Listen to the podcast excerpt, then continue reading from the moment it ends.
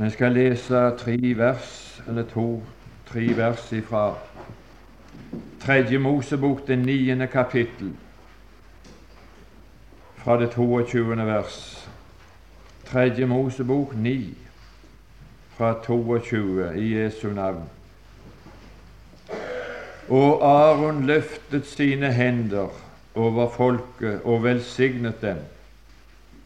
Og så steg han ned efter at han hadde ofret syndofferet og brennofferet og takkofferet. Deretter gikk Moses og Aron inn i sammenkomstens telt, og da de kom ut igjen, velsignet de folket.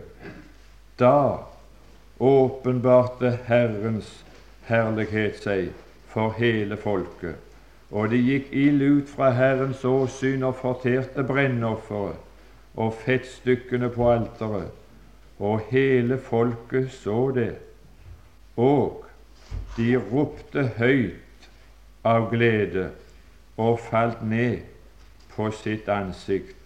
Amen. Fader i Kristus Jesus, her er vi samla for ditt åsyn. Vi er, som det står i ditt ord, samla, vi er alle til stede for ditt åsyn, for å høre det som er pålagt ifra deg. Og vi vil få lov å be om gi meg troens klare blikk på Jesus, så jeg ser det blødende Guds lam. For jeg vet at alt i denne verden, det blekner når jeg får et blikk på ham. Vi ber om det for ditt navns skyld. Amen. Når vi nå har lest de tre versene her fra Tredje Mosebok, så har vi lest et avsnitt fra Det gamle testamentet som gir oss et forbilde på ting i Det nye testamentet. I Hebreabrevet, det niende kapittel og det niende vers, så står det at det som foregikk både i forgården og i det hellige og i det aller helligste, i tabernaklet og tempelet, det var bare et bilde av det sanne tabernakel. Det var et bilde som skulle eksistere, og skulle eksistere inntil Ikke til vi kommer til himmelen, men det skulle eksistere. Bildet skulle de ha inntil den nåværende tid. Billed, Bildene tok slutt når du fikk realiteten. Og tabernaklet det tok jo slutt når de fikk tempelet. Men etter at tempelet ble revet ned i år 70, så fikk vi det som er nåværende. Vi mangla ikke noe tempel. Vi mangla ikke. Vi mangler ikke de sanne realiteter. Det er det åndelige vi har. Vi har ingenting i Det nye testamentet som vi kan se med våre øyne. I Det gamle testamentet så kunne de se den bygningen som Gud bodde i ørkenen. Det var et tabernakel. Det var et telt. Når de var kommet inn i landet, og da Salomo hadde bygd et hus for Herren, så kunne de se tempelet. De kunne se det som Gud bodde i. Men når tempelet var revet ned, når tabernakelet ikke lenger eksisterer, nå er vi ikke i stand til å se det huset som Gud bor i. For han bor ikke i hus som er gjort med steiner og er bygd av tre eller stein. Men det hus som Gud bor i i dag, det er et åndelig hus. Det er et åndelig tempel. Og det er ikke en naturlig prest av mennesker som er ypperste prest for oss, men gi akt på den apostel og den ypperste prest som vi bekjenner, Jesus Kristus, og Jesus Kristus, han har en tjeneste, en ypperste prestelige tjeneste, som nøyaktig svarer til denne som jeg leste her, som Aron hadde. Den falt i tre avdelinger. Det var den første avdeling som jeg leste om her i Arons tjeneste. Det var når, når han var ute i forgården og alle kunne se hva han gjorde. Der står at Aron ofra syndoffer og brennoffer og takkofferet. Og når han var ferdig med det, så velsigna han folket som et resultat av det han hadde gjort. Og så var den tjenesten slutt.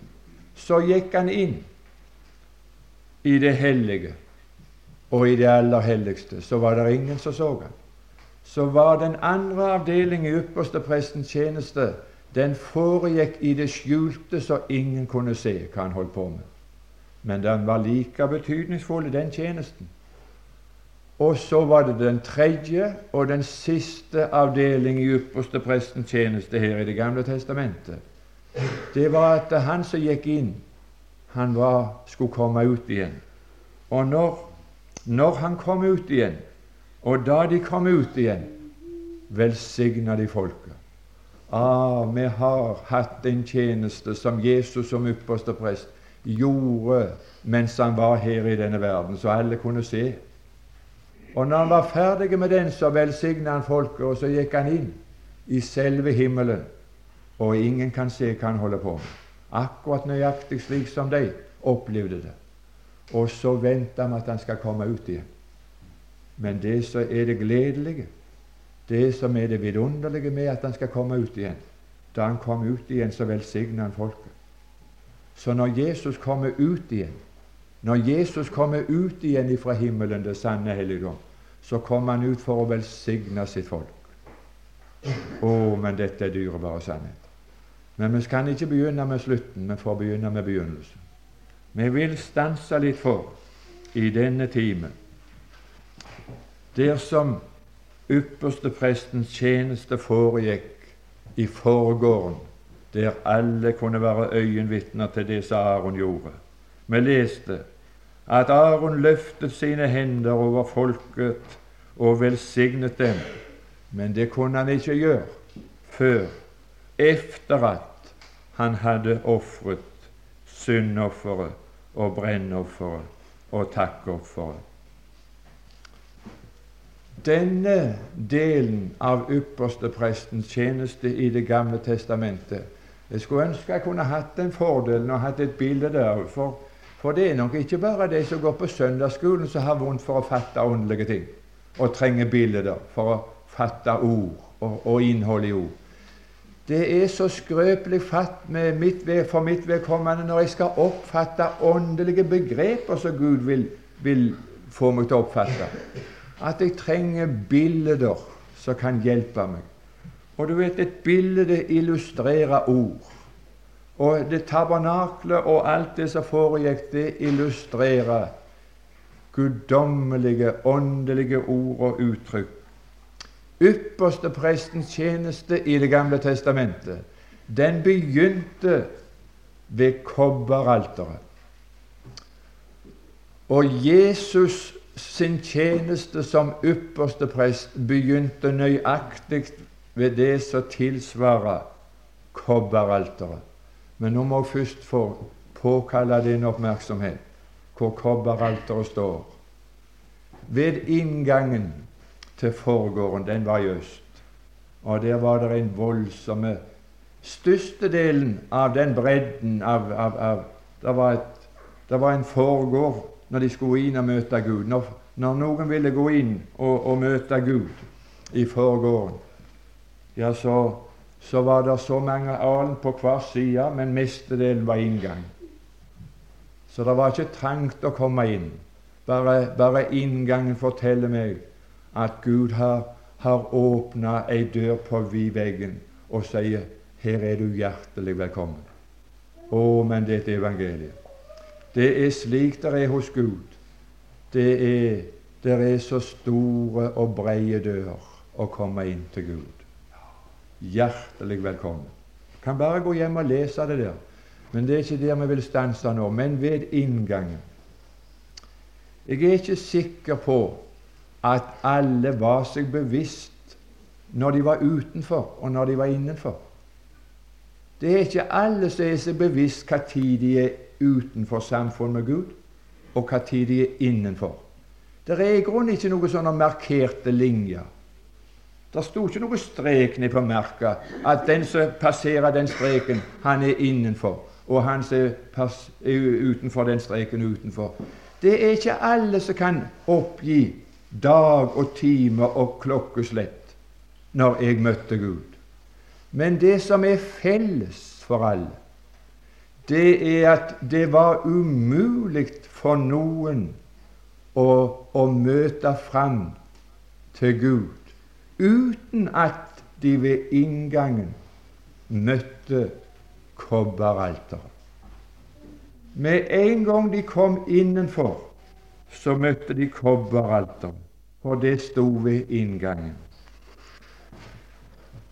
Og det skal jeg få lov å fortelle deg om, om du ikke er deg bevisst om du var innenfor eller utenfor, og hva tid det, hva tid det gikk for seg at du, at du kom i samfunn med Gud. Det kan være tåkete for noen hver av oss. Men det som aldri har vært tåkete for noen som har møtt Gud, det er ved inngangen, ved inngangen til et møte med Gud. Der ble jeg minnet om min synd. For kobberalteret det minner meg om synd. Og ingen kunne komme inn og møte Gud uten å gå forbi kobberalteret. Og ingen kunne se kobberalteret uten å bli minnet om sin synd. Du er velkommen i samfunn med Gud på den måten at du er blitt minnet om din synd. Og det skal jeg bare få lov å gjøre oppmerksom på at det var et ubehagelig å bli minnet om det. Det var et ubehagelig syn. Å, men det er ubehagelig å bli minnet om si synd. Å bli minnet om si synd på en så ubehagelig måte. Og så ved inngangen, ved starten, hadde det ennå vært for viderekomne. Men noe så brutalt som det som møtte de ved inngangen. Hva var det de fikk se der? De fikk se et kobberalter. Og så fikk de se en person, en ypperste prest, som holdt på å slakte. Og så holdt på å slakte og sprengte blodet på hele alteret. Jeg skal få lov å fortelle deg om noe så var jeg, vokst, jeg vokste opp Vi hadde gard. Og spesielt under krigen, men også før krigen, så hadde vi det slik at, at, eh, at vi slakta både kalver, og vi slakta stuter, og vi slakta griser, og vi slakta sauer.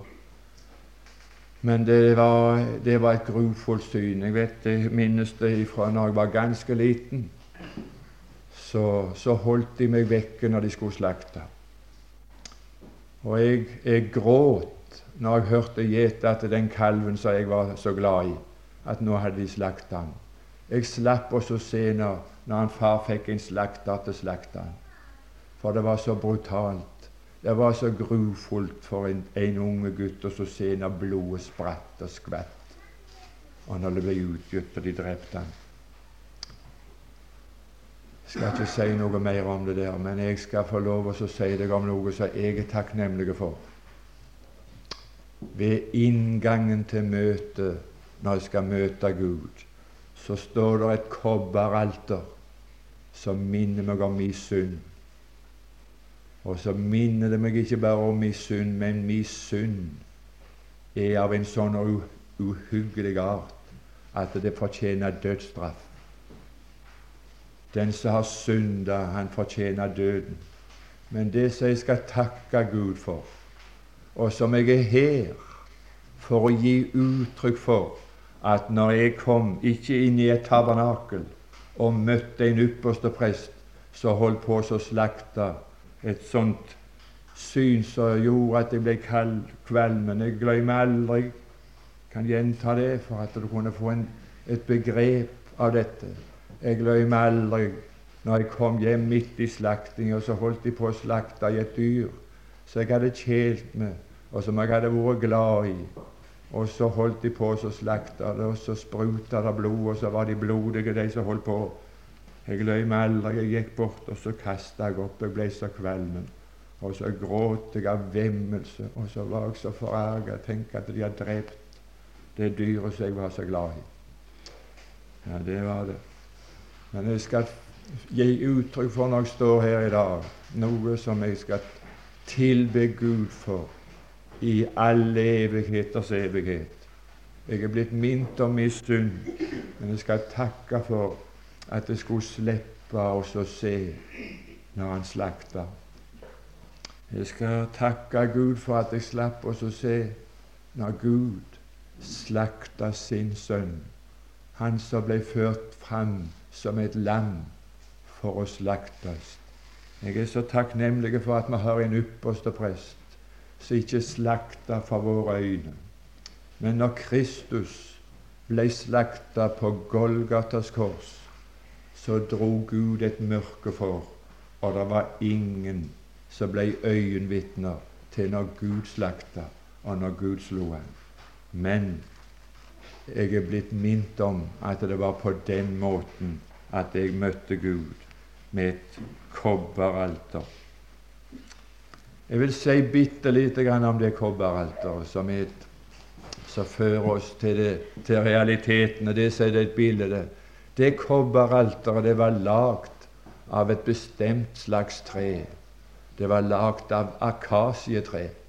Og når en leser om akasietre, enten i, i, det vanlige leksikonet eller et bibelleksikon eller ei annen botaniske bok, så forteller de det at akasietre det er et tre som vokser i ørkenen, der så det er tørt.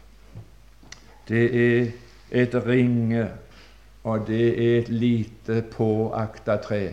Du kommer aldri til å finne det altså planta i hagene for å gjøre hagene litt til minne mer om paradisiske tilstander. Vi har snart slike hager alle veier nå. Altså, det er som et lite paradis folk bor i. Det blomstrer og det er fine trær av alle sorter og slag, og det er øyens lyst hvor du verden du ser. Og det er det eneste det er når du får deg en sånn sviende nordavind på Vestlandet som brenner det av på en dag. Da, blir du minnet om forbannelse, og så forbanner du nordavind Ja, det gjør han. Men du verden, akasjetre, det det var et sånt lite, påakta ringetre. Og når det gjelder Jesus, det første møtet du får med Jesus når du skal møte Gud. Det er en person som er ringe og lite påakta i denne verden. Det er ikke en person som de har i hver Han er ingen prydbusk, Jesus. Han pryder ikke hjemmene rundt omkring, verken i Norge eller noe annet land. Han er en person som er lite påakta, og han er ringe i verdens øyne. Det stemmer med Skriften. Profeten Esaias det 53. kapittel og det første vers. Han skjøt opp som en kvist av tørr jord. Han kom ifra ørkenen. Han skjøt opp ifra selve ørkenen som et akasjetre, og han vakte ingen oppmerksomhet i denne verden. Han var et ringe og lite påakta menneske. Han skjøt opp i Galilea. Og de som kom ifra Galilea, kan det komme noe godt ifra Galilea? Det, det, det, det, stemmer med både Skriftene og med erfaringen. Vi jaktet ham for intet. Slik er det. Slik er det fremdeles. Alle veier. Så det er ikke noe løye at det er slik i Sogn. Det er slik på Vestlandet. Det er slik i hele verden. Verden akta Jesus for intet. Men denne, dette kobberalteret som var lagd av av slikt akasjetre som forteller oss og minner oss om Kristi person, slik som han kom til denne verden og var i denne verden, så står det at dette akasjetreet var kledd med kobber.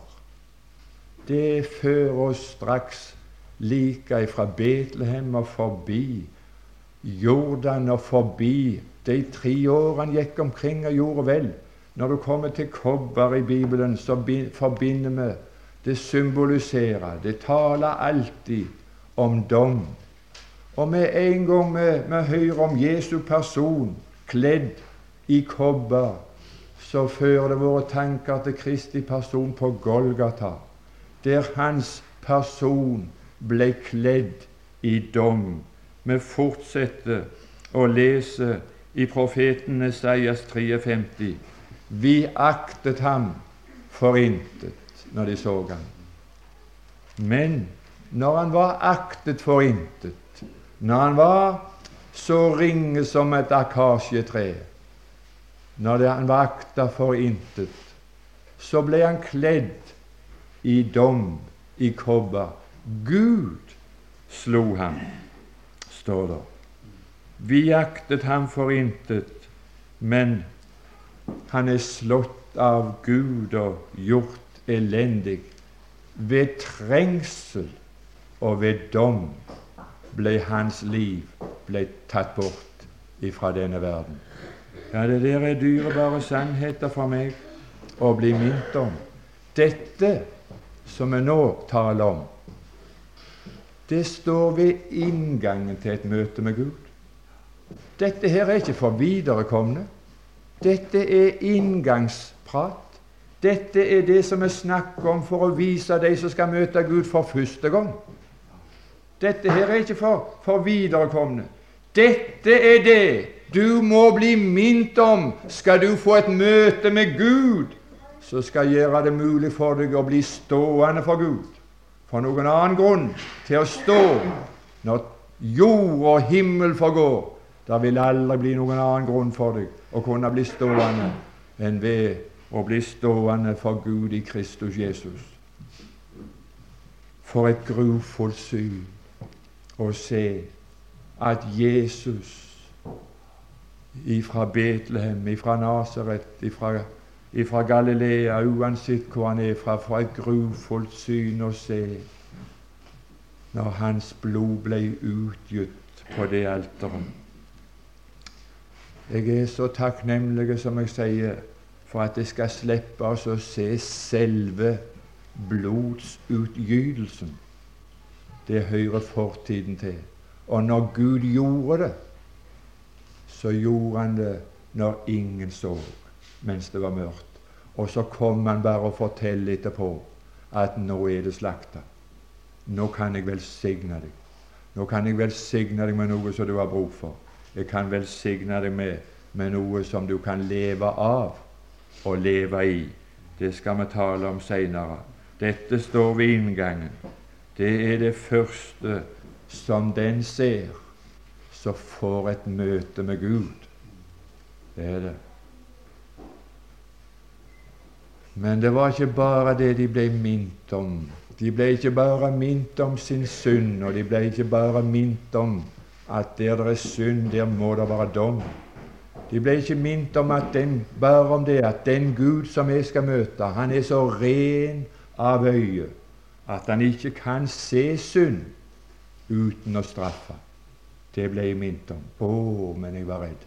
Jeg var redd å møte Gud, for jeg var redd for alt det som han så, som han måtte straffe. Og Derfor var det dette vidunderlige synet av kobberalteret. Det minte meg ikke bare om at her var det noe som Gud ville straffe, men blodet på kobberalteret minte mange om at Gud hadde straffa Gud hadde straffa Dommen for min synd hadde ramma dette offeret. Derfor kunne Gud velsigne. Derfor kan Gud møte meg i døra. Han velsignet folket som kom inn. Etter hvert som de kom inn, så møtte han dem med en velsignelse. Og den velsignelsen som han møter alle som vil møte Gud ved kobberalteret, han møter de, han møter oss med velsignelsen av han har velsignet oss med syndenes forlatelse. Han løfter sine hender, og så, og så velsigner han oss med syndenes forlatelse. Hva er det for noe? Det er det som frir oss ifra straff. Det er det som frir oss ifra dom. Å, men han velsigner meg med det som jeg trenger aller mest når jeg skal møte Gud. Han velsigner meg med noe som kommer ifra kobberalteret. At Gud kan velsigne meg i stedet for å forbanne meg. Han velsigner Å, Ikke Gud velsigne deg, gutten min og jenta mi, så jeg må si er de som jeg ønsker, men det er Gud som sier 'Å, nå velsigner jeg deg'. Å, er det ikke godt å komme Gud i møte, så møter, så møter Gud deg Å, men jeg velsigner deg. Å, jeg velsigner deg. Det var godt du kom. At du ikke hadde kommet før. Å, men jeg skal velsigne deg i inngangen. Jeg skal velsigne deg i inngangen. Du begynner et møte med Gud med at Gud får velsigne deg. Det er det som er den sanne Gud. Den sanne Gud velsigner de som kommer til ham. Han har et grunnlag som han kan velsigne deg på. Du skal slippe å gjøre noen ting for å formidle han. Å, han møter deg med et åsyn. Han møter deg i døra med et åsyn som velsigner deg. Han er blid. Den sanne Gud er blid i sitt åsyn. Vet du hva det står i Bibelen? Det står i Bibelen at hos Gud er det ingen forandring, og det er ingen skiftende skygge. Du risikerer aldri å møte Gud mørke i hu. De de som møter meg Somme tider møter de, med, med, møter de han Arnold Bjerkreim så strålende og opplagde. Han har et ord både til hinta, den og hin. Han har en oppmuntring i både til den og hin. Men andre tider så møter de meg, så er jeg ikke opplagd. Så er jeg mørk i hu. Jeg er mørk i hu. Det er ikke noe med de som kommer, men jeg er mørk i hu. Og i stedet for å få en oppmuntring, så får de gjerne et et ord i en tone så, så er det vrangt og gir uttrykk for uvilje. Men hos Gud er det aldri forandring. Det er aldri skiftende skygge. Ved inngangen til et møte med Gud, når du møter Gud ved kobberalteret, så møter du en Gud som stråler av kjærlighet og velsigner deg. Er det ikke vidunderlig godt å få møte Gud på den måten ved inngangen? Skal jeg slippe å være spent hvorledes Å, mon Gud er vred på meg i dag. Mon han er mørk i hu. Han er ikke mørk i hu. Han er lys i henne. Å, han velsigner deg. Han velsigner deg fordi det hadde vært noe som hadde foregått på dette kobberalteret. Jeg må få lov å bare dra med i denne i disse dyrebare minutter vi har igjen av denne, av denne første time, og stanse for noe av det som var grunnlaget for at ypperstepresten den gang kunne velsigne. Ikke sånn som jeg vil si 'Å, men det var gildt at du kom'. Å, jeg hadde håp på at du skulle komme. Men det er noen som ikke venta i det hele tatt. Altså. Ja, ja, det var jo kjekt at du kom, men Å, men det var så skrekkelig kjelt når han kom, og hun kom. Vet du hva det står om ypperstepresten? Han velsigner folk. Gud gjør ikke forskjell, han. Han velsigner ikke noen fremfor noen andre.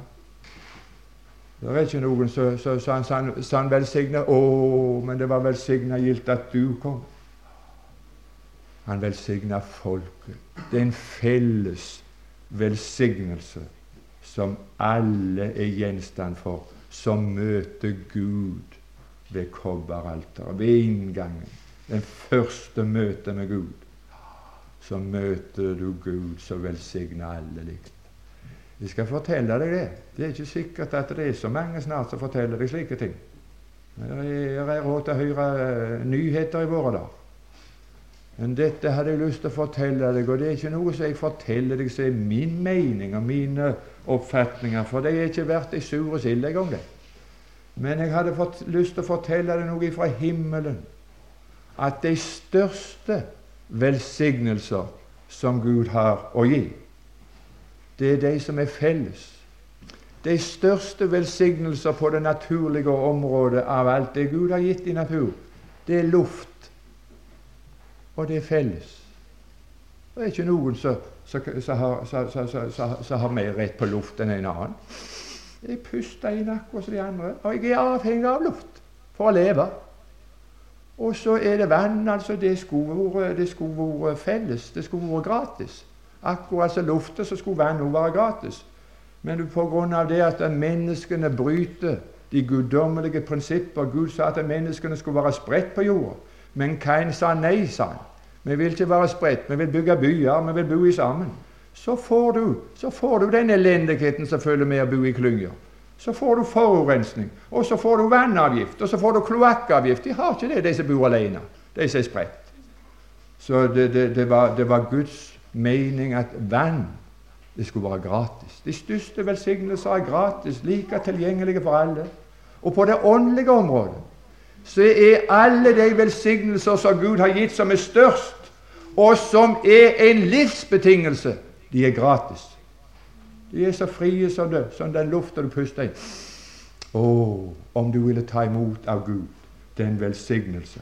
Hvis du vil møte Gud ved inngangen der Gud er, i det åndelige tempel som han reiser hver gang de troende samles, og vil møte Gud ved kobberalteret, så skal du møte en Gud som velsigner deg, og velsigner alle likt. Han velsigner folket.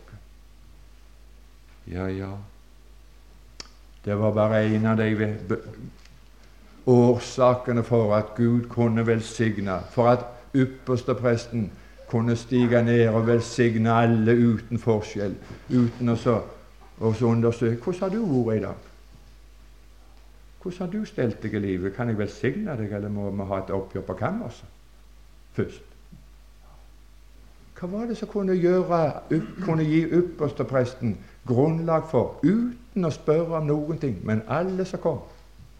Alle som kom, fra øst og vest, fra syd og nord, når de bare kom inn der når de bare møtte Gud der, ved kobberalteret, så kunne ypperstepresten lyse velsignelse over alle uten å gjøre forskjell. Og det var en velsignelse fra den sanne Gud. Hva var det som var grunnlaget? Ja, Det kunne ikke være i, de som kom, for de var så vidt forskjellige at jeg er redd det hadde blitt mye forbannelse der i porten. Men det ble bare velsignelse. Han lyste ikke forbannelse en eneste sjel som kom. Bare velsignelse. Og grunnen ei, Det var tre grunner, men den første grunnen skal vi bare stanse fra nå til slutt. Der står efter at efter at han hadde ofret syndoffer. Når han hadde ofra syndofferet, så kunne han lyse velsignelsen over alle de som kom og ville møte Gud på det grunnlaget. Da Golgata, da Golgata, den gamle høy, jeg gjennom tårer så, da fikk jeg se et syn. Og Det synet har mange sett og mange hørt om, men jeg er redd for at det er noen i denne forsamling som slett ikke har sett det. For da fikk jeg se et syn som var av en slik art at det knapt kunne tro det, og har fremdeles vondt for å tro det. Og vet du hva det var? Ikke at det var nåde, har ikke vondt for å tro at det var nåde. Jeg har ingen problemer med å be om nåde. Nei, det har jeg ikke hatt problemer med. Men jeg har hatt store problemer med å tro det synet på Golgata. Nåde nok. Nok for meg. Nok for tid og for evighet. Tenk nåde nok. Jeg vet ikke der er, der er, der er mye av mange ting. Vi lever i et overflodssamfunn, snakker folk om. Men det er ingenting det er nok av. Det er for lite av alle ting. Alle ting. Men her er det endelig noe som det er nok av. Og det her er nok av. Det er det jeg trenger. Jeg trenger det for tid, og jeg trenger det for Tenk nåde nok for meg. Har du sett det synet? Er, det da underlig at han kunne velsigne folket? Det var nåde nok for alle som kom. Å, det var det som var grunnlaget. Det var syndofferet. Og jeg vil lese lite grann i, om dette, synd, denne, dette syndofferet som var ofra. I Tredje Mosebok, det åttende kapittel og det fjortende vers. Tredje Mosebok, det åttende kapittel og det fjortende vers. Der står det at dette syndofferet, det var en okse. Og jeg er, jeg er takknemlig for det jeg har fått lov å lifte. Det er fordeler med å bli gammel, det er der, men det er somme tider altså noen bakdeler med det òg. Men altså, det er mange fordeler, så det er ikke å syte med. Og Det er det at du sitter inne med erfaringer som du ikke har er ung. Og Derfor er det noe som er skrekkelig fordelaktig. Det er når de unge og gamle kan være sammen, slik at de unge kan nyte fordel av de gamle sin erfaring. Og de gamle kan nyte fordel av de unges uerfarenhet. For når du er uerfaren, så går du på der du ellers vil være så, så forsiktig. Ja. Men altså, de trenger denne erfarenheten som de gamle har. Men her står det noe om oksen. Eh, eh, om synda for at det skulle være voksen. Og i Det gamle testamentet, eller i de tidene, så var oksen et trekkdyr. Det var en tjener. Det var det han var brukt til. En tjener som skulle tjene menneskene. Det er etter guddommelig forordning. Så var oksen og oksens kolossale krefter stilt til disposisjon for å tjene menneskelige behov.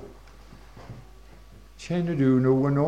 Du noen, får du noen tanker nå, bibelske tanker om en som ligner på denne oksen? Som hadde kolossale krefter?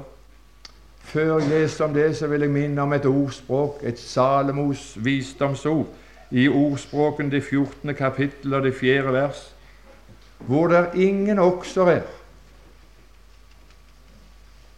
Hvor det ingen okser er, der er krybben tom.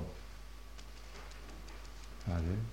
Altså, Vi har fått traktorer i dag, altså, det er jeg klar over. det.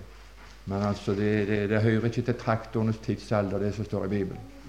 Altså, Traktoren er bare et vitnesbyrd om menneskenes oppfinnsomhet som har gått Kains vei, og gjør seg uavhengig av guddommelige prinsipper. Og vi skal nok høste noe på Kains vei. Det kommer vi, men det er ikke det vi snakker om her. Nei, men de guddommelige prinsipper, det var at hvis det var okser, så skulle krybba aldri være tomme. Og nå var det en som har sørga for at den åndelige krybba vår ikke er tomme, verken på dette bibelkurs enn i denne verden. Der står om Jesus at han sa 'Jeg er ikke kommet til verden for å la meg tjene. Alle avguder de presenterer seg bare som et idol som skal tjenes og tilbedes av mennesker, og som mennesker skal ofre til og gi til og tjene og streve og formidle. Og det er frykten for avgudene som er drivkraften. Men jeg er kommet, sa Jesus, for selv å tjene og gi mitt liv. Å, for en okse som Jesus var, som skulle tjene oss med å gi. Men det var ikke bare en okse som skulle leve, som skulle tjene oss mens han levde, med å samle krybb og tomme, men å gi sitt liv. Der står dette her ved, ved inngangen, annen Mosebok, det 29. kapittel og det 11. vers. Du skal slakte oksen ved inngangen.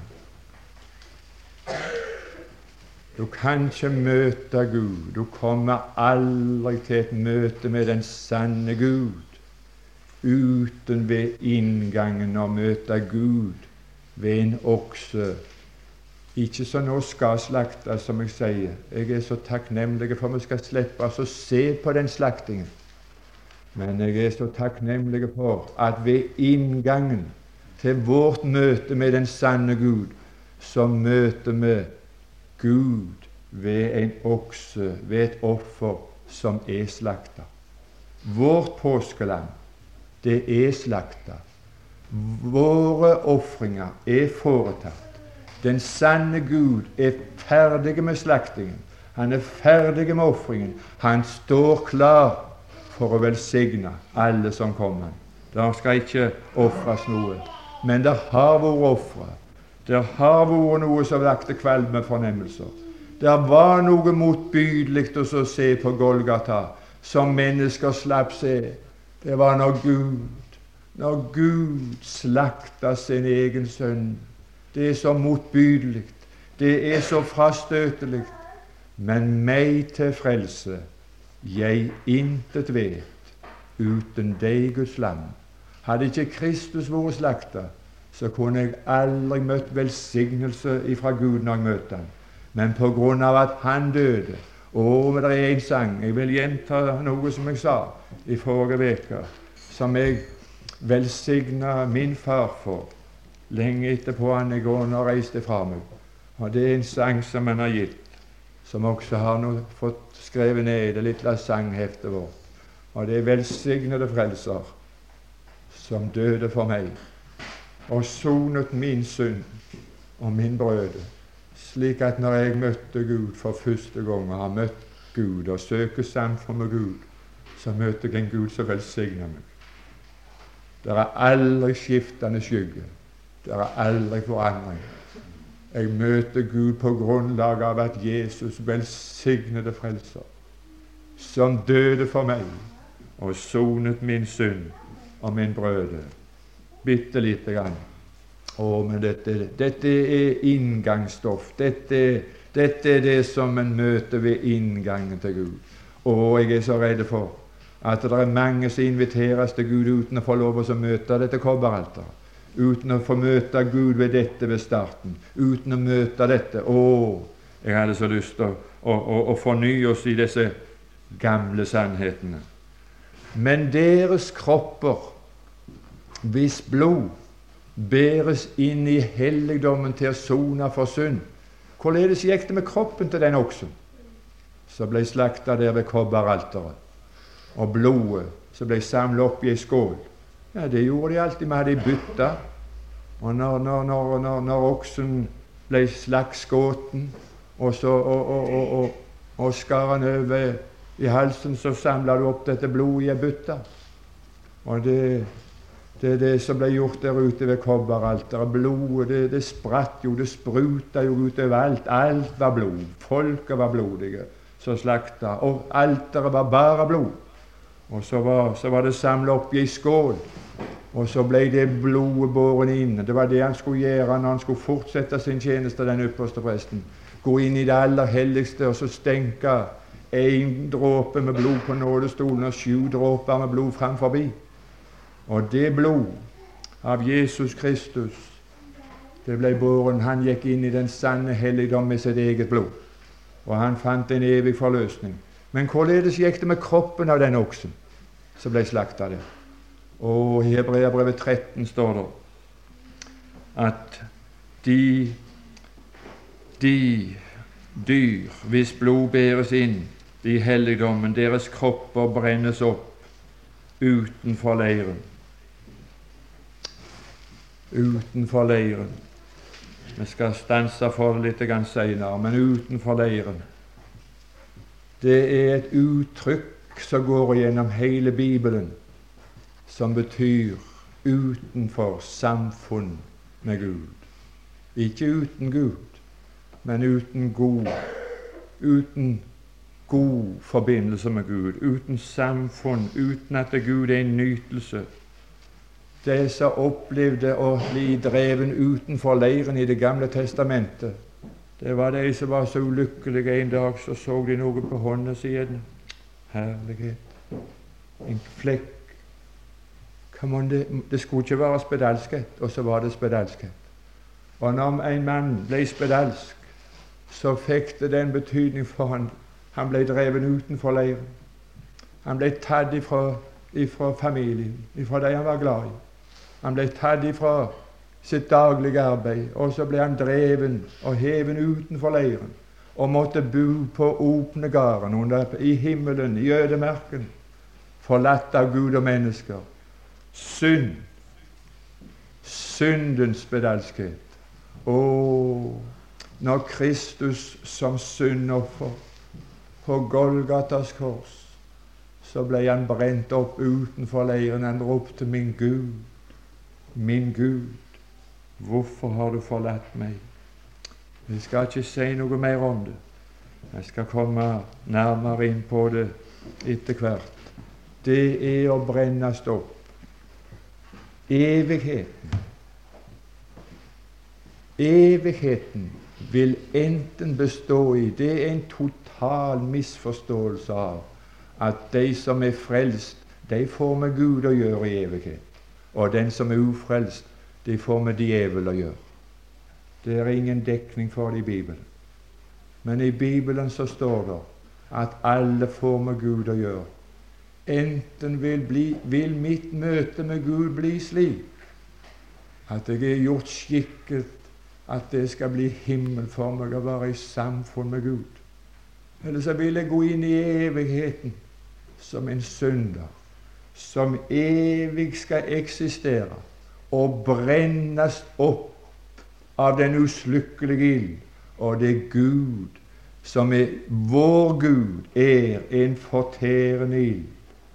En fortærende ild. Og den som ikke opplever å bli frelst, og gjort skikket til å møte Gud, så det blir himmel for deg. Du vil i evigheter få med den samme Gud å gjøre som ild, som vil fortære deg i en uslukkelig ild i evighet. Enten blir jeg frelst og får med Gud å gjøre, og så er det himmel. Eller så går jeg inn i evigheten ufrelst og den samme Gud vil bli et helvete for meg. En fortærende ild. Å, det som gjør at mitt møte med Gud og min fortsettelse med Gud blir en velsignelse fra Gud, det er at jeg møter Gud ved inngangen ved kobberalteret, hvor han har et grunnlag. Syndofferet har tatt synden bort og forlikt meg, gjort meg skikket. Fader, i Kristus Jesus vi er her for ditt åsyn, for å tilbe. Vi er her for å takke for det du har gjort, for det du har møtt oss med, for den velsignelse du kan møte oss med for Jesus skyld, for hans død og for hans lidelse. Å, vi skal takke deg. Vi møter framfor deg, Gud, ved Jesus Kristus, og på grunnlag av det han måtte gjennomgå. Og la aldri noensinne korsets tre meg gå av minne, men la det tale, rope i mitt hjerte hva min frelse kostet har. Velsign så timen fortsatt for oss, så nå skal komme, velsign dagen. La det bli til ære for ditt navn, og la det bli til gagn for den enkelte av oss som blir til stede her. Amen.